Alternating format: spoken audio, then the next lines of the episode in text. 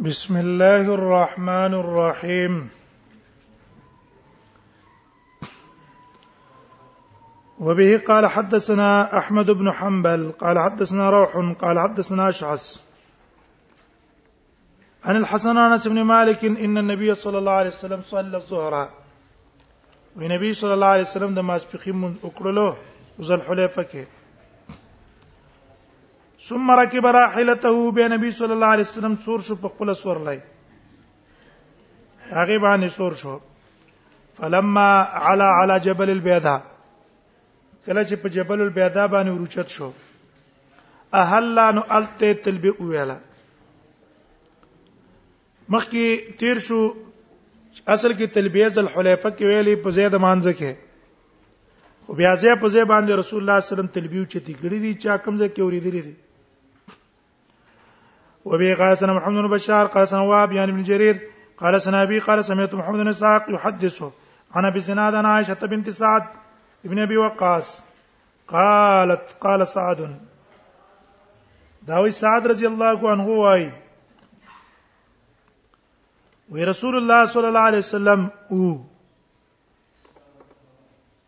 اذا اخذ الطريق الفرع چې دا به کله روانو په لار د فرع باندې طريق الفرع سره د مکه او د مدینه په منځ کې لار ده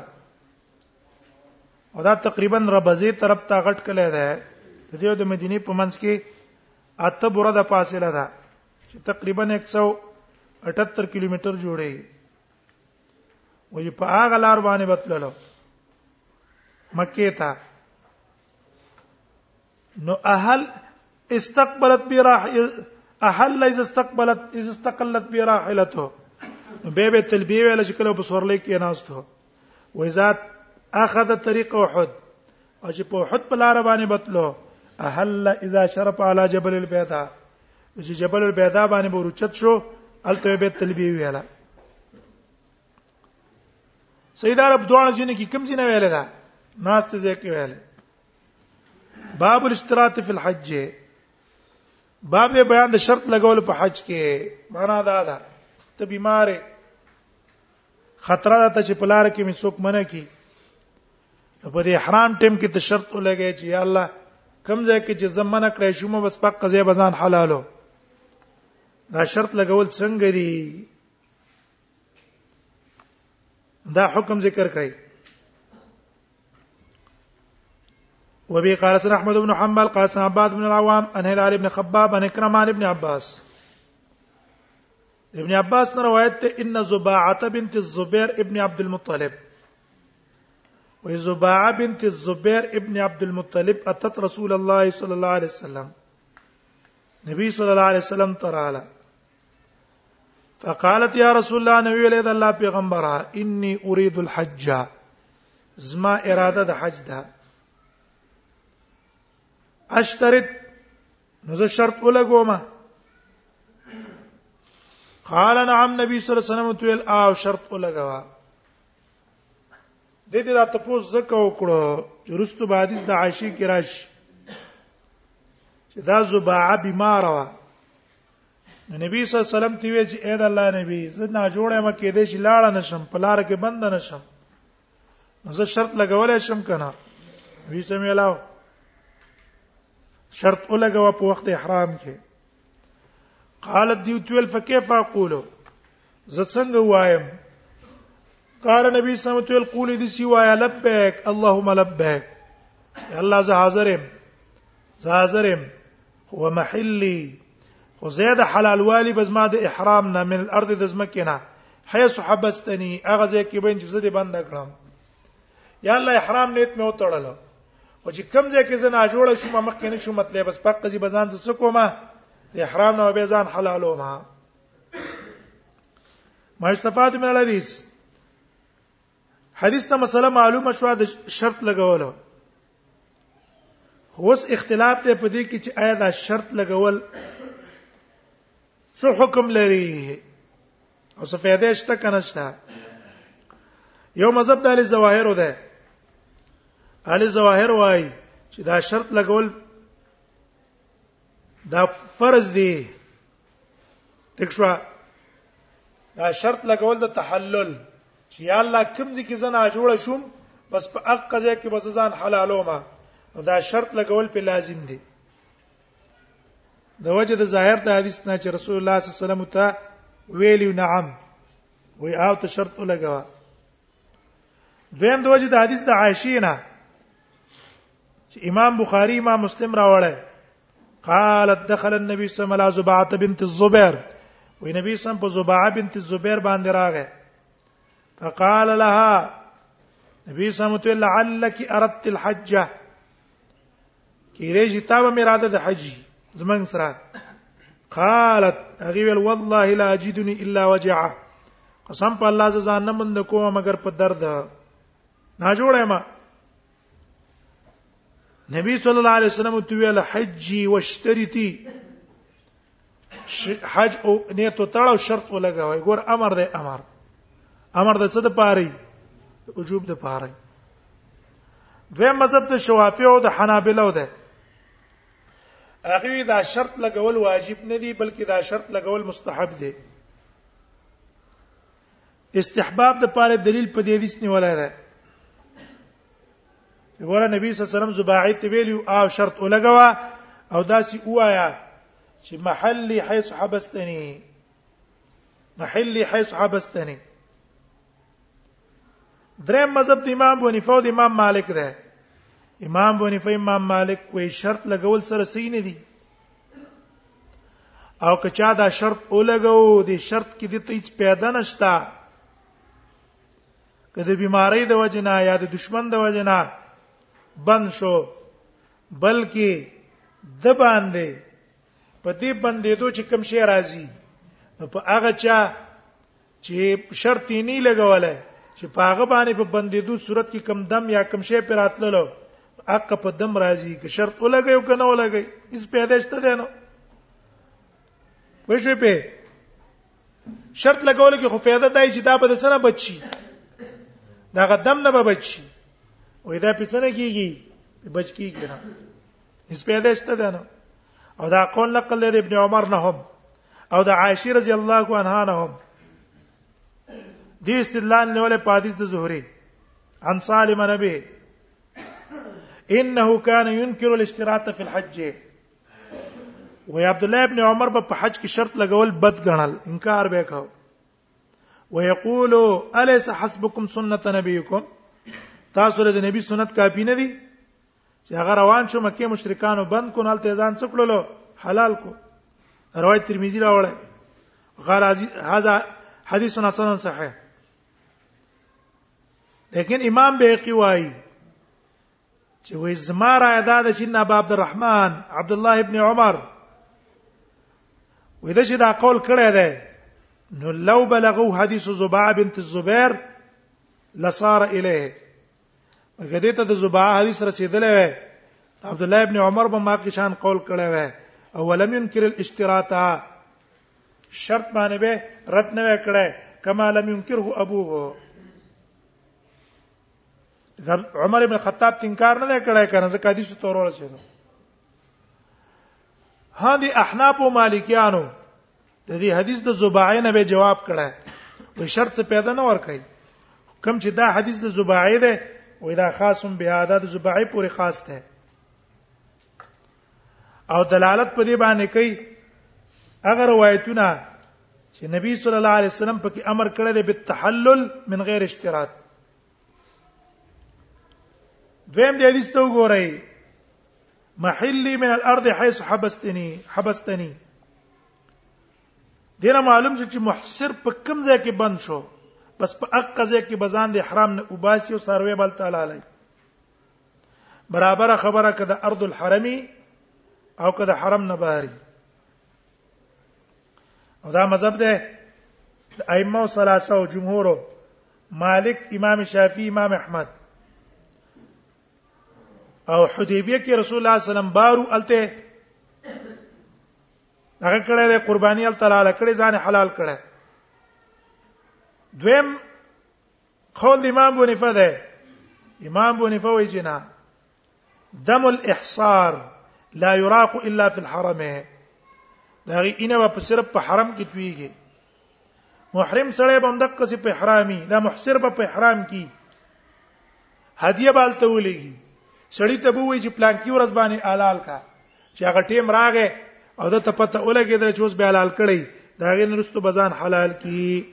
اور نه قول راجح هیڅ وابسته نه باب فی افراد الحج باب بیان د افراد الحج کې انواع د حج سودی اول ځین کې دا کې نه وای د جمهور علما مذهب دا ده چې حج په درې قسمه ده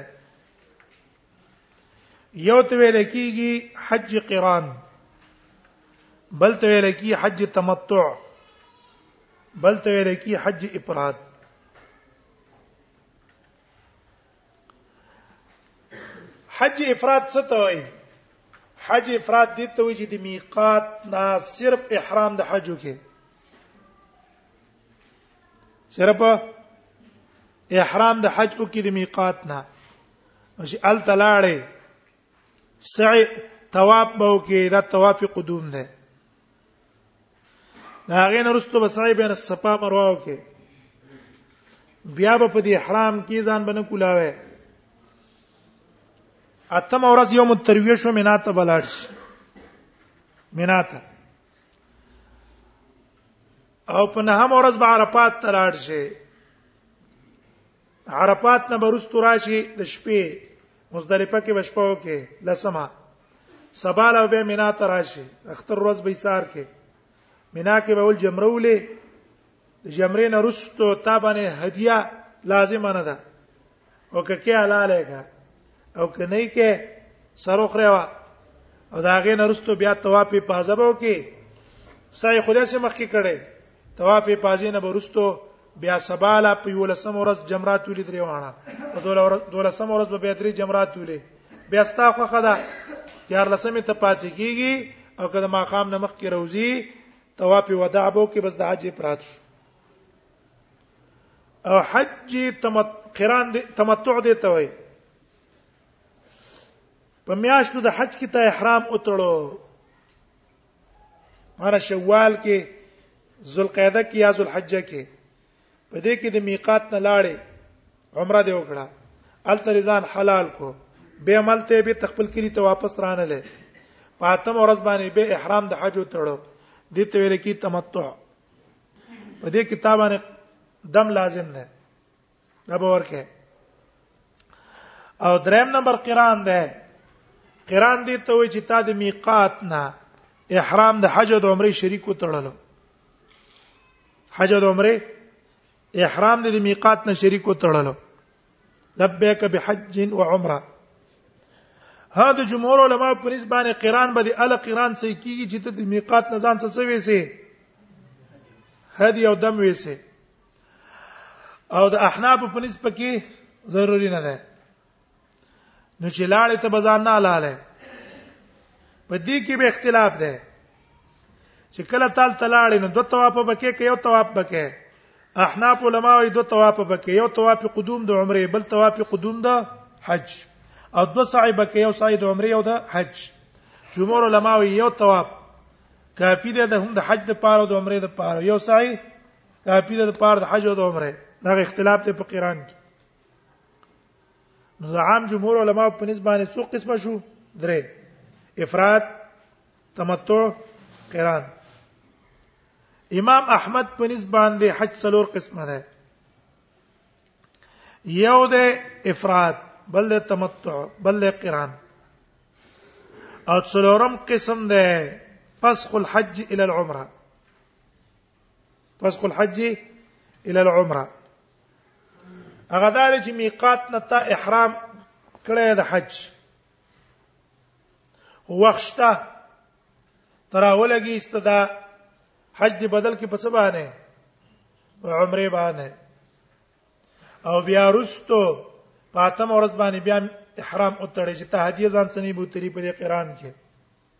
دې ته ویل کی فسخه او امام بخاری دا څلور وړه قسمونه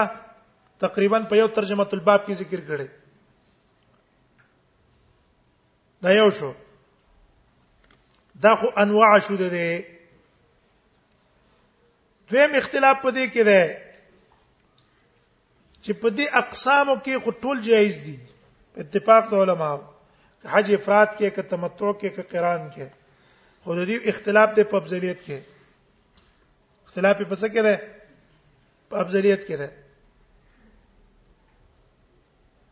چې کوم نوع افضل ده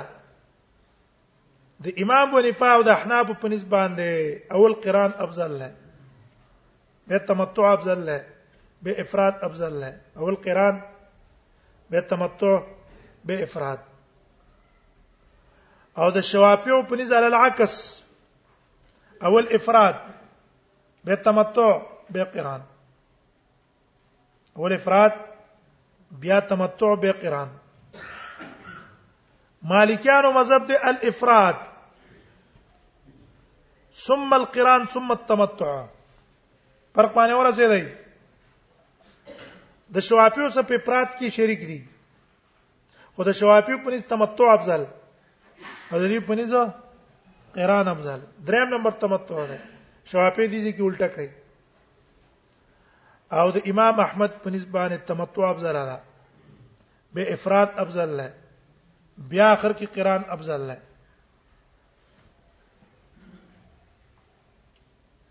درېمه مسله ځین کې دا کې نه وای احادیث په دې باب کې مختلف دي بعض روایتونه کې دي چې رسول الله صلی الله علیه وسلم افراد کړه افراد بالحج ٹھیک شو ان رسول الله صم افرد الحج بعض روایتونو کې تمتع ده بعض روایتونو کې قران ده دیو جن علماء اختلاف ده چې اې د نبی صلی الله علیه وسلم حج کوم قسمو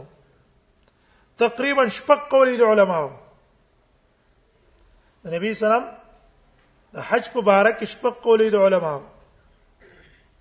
یو قول دا دی چې رسول الله صلی الله علیه وسلم مفرد من الاولى الى الاخر نبی سم کم حج کړه حج افراد کړه صرف اراده د حج کړه عمره اوسه شریک نه و دا اول نواله تر اخره پوره دا قول د امام مالک او استدلال په دې احادیثو د باب نیولي افرد الحج کم په دې باب کې چې کوم روایتونه دي کنه او افراد الحج په دې استدلال نه ولا دویم قول لا ده چې نه رسول الله صلی الله علیه وسلم اول کې متمتع به پسخه د حج وکړه به عمرتن وای شوي رسول الله څه کړو نیت د حج او د عمره یو ځل د میقات نه کړو او په منځ کې را اولګېدلو حج مات کړو عمره کړه او بیا پاتم ورځ نه وینې ته حج د پاره اتړلو خدا قول کمزور دی بنتي هي خطا ده ٹھیک شو او دی چې دا قول کړی دی د دې قول اصل کې بنا ده په حدیث باندې چې رستو براشي د معاویه رضی الله عنه چې هغه وايي اما علمت اني قصرت عن رسول الله صلی الله علیه وسلم على المروه نو دی وی ګوره نبی سم چې حج لته لاله نو نبی صلی الله علیه وسلم حج لته لاله دا عمره لته له صلح حدیبیه کې تله هغه ټیم کې معاویه کافر ده څنګه رسول الله صلی الله علیه وسلم سره کوټه کړه وې شو کنه په دا وخت کې څه ده کافر ده نو رسول الله صلی الله علیه وسلم له په مروه کې څنګه سرور کوټه کو نو معلومیږي دا چې دا په حجۃ الوداع کې ده نبی سم صاحب صفا مروه کړی دا په عمره کې نو په مروه کې ولده به سرور کوټه کو او حاجی چې د په مروه کې خسر نه خړی په کوم ځای کې خړی او په مینا کې اوس په پیښ وای د دې قول بنا په کوم باندې ده دا حدیث د معاویه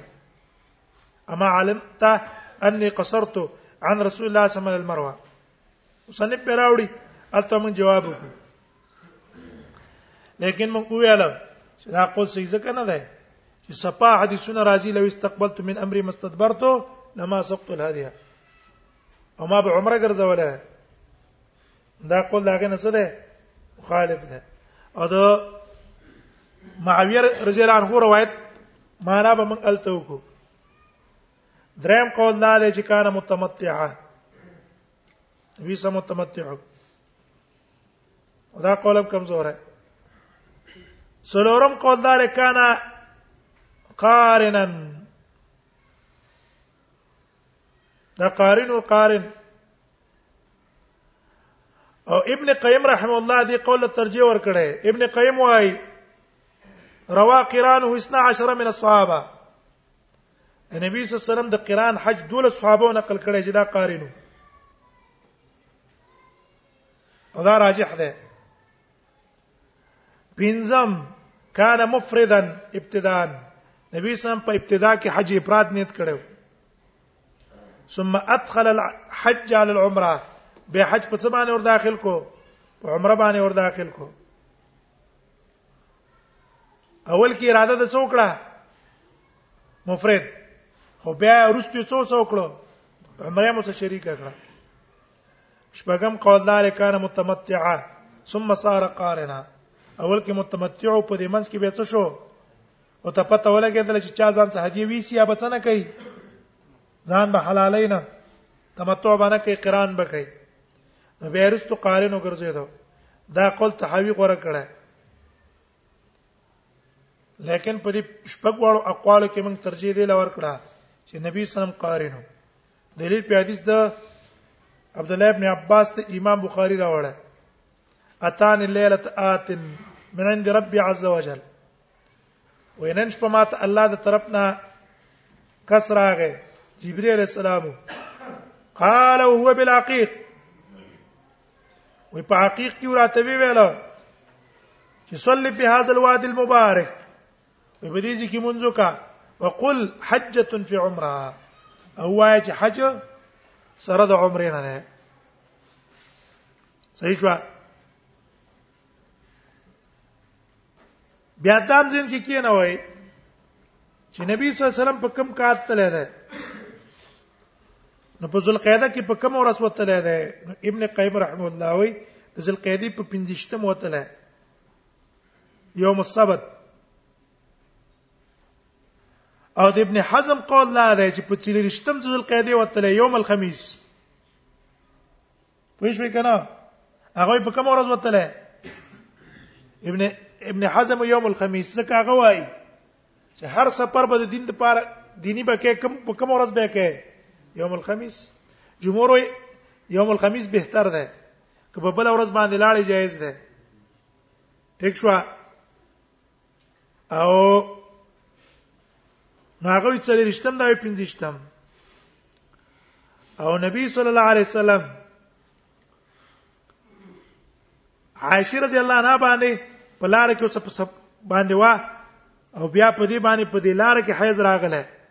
نو په څلې رښتم باندې رسول الله تعالی رسیدله په څلې رښتم نه په څلورم د ذل حجې او په عائشه باندې په دریم د ذل حجې چې څنګه رسیدله حیز پر راغې دا هغه حاصل خاکه ابتدا نو باب فی افراد الحج باب دې بیان د افراد د حج کې وبه قالت سنا القانبي قاسنا مالک انا عبد الرحمن بن القاسم انا نبي انا عائشه ان رسول الله صلى الله عليه وسلم افراد الحج رسول الله صلى الله عليه وسلم احرام تړلې د حج ځان لا افراد الحج معنا څه ده احرم به وحده فی اشهره ځان له احرام په دې میاشتو د حج کې تړلې وو او پر روایت د احمد کې دی افرد رسول الله صلی الله علیه وسلم الحج ولم يعتمر نبی سم سره په افراد کړه ده عمره نه کړه ظاهر د حدیث ته معلوم شو چې رسول الله صلی الله علیه وسلم حج کې مفرد وو دیوژن مالکیان او شوافع او اوزاعي وغيرهم دا هغه قول دار چې حج افراد افضل له د قران او د تمتع نه ذکر رسول الله صلی الله علیه وسلم کوم حج کړی دی حج افراد کړی په دې دې استدلال نه ولا ویم استدلال نه ولا په حدیث د عبد الله ابن عمر اهلنا مع رسول الله صلی الله علیه وسلم بالحج مفردا موږ د نبی صلی الله علیه وسلم چې احرام تړلې نو مفرد احرام هم تړلې نو فريدل روایت امام مسلم امام احمد راوړل دریم استدلال نه ولې په حدیث د عبد الله ابن عباس ان رسول الله صلی الله علیه وسلم صلی الظهر بذل حلیفه نبی سم د ماسپخی مونږ په ذل حلیفه کې وکړو ثم دعا ببدنه به نبی صلی الله علیه وسلم ال تخپل بدنه راوختره بدنه اشعرها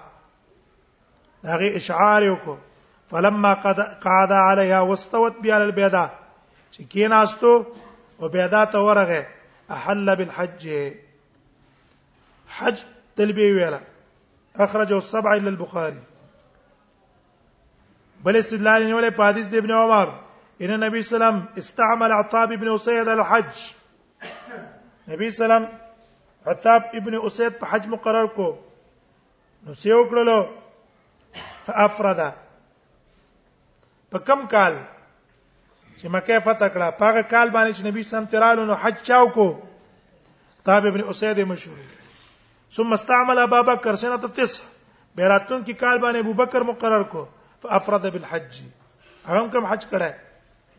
حج افراد کړه ثم حج رسول الله صلی الله علیه وسلم سنه 10 وی بیا په لسم کال نبی سم په خپل لاړو فافرد بالحج وی پاک نبی سم حج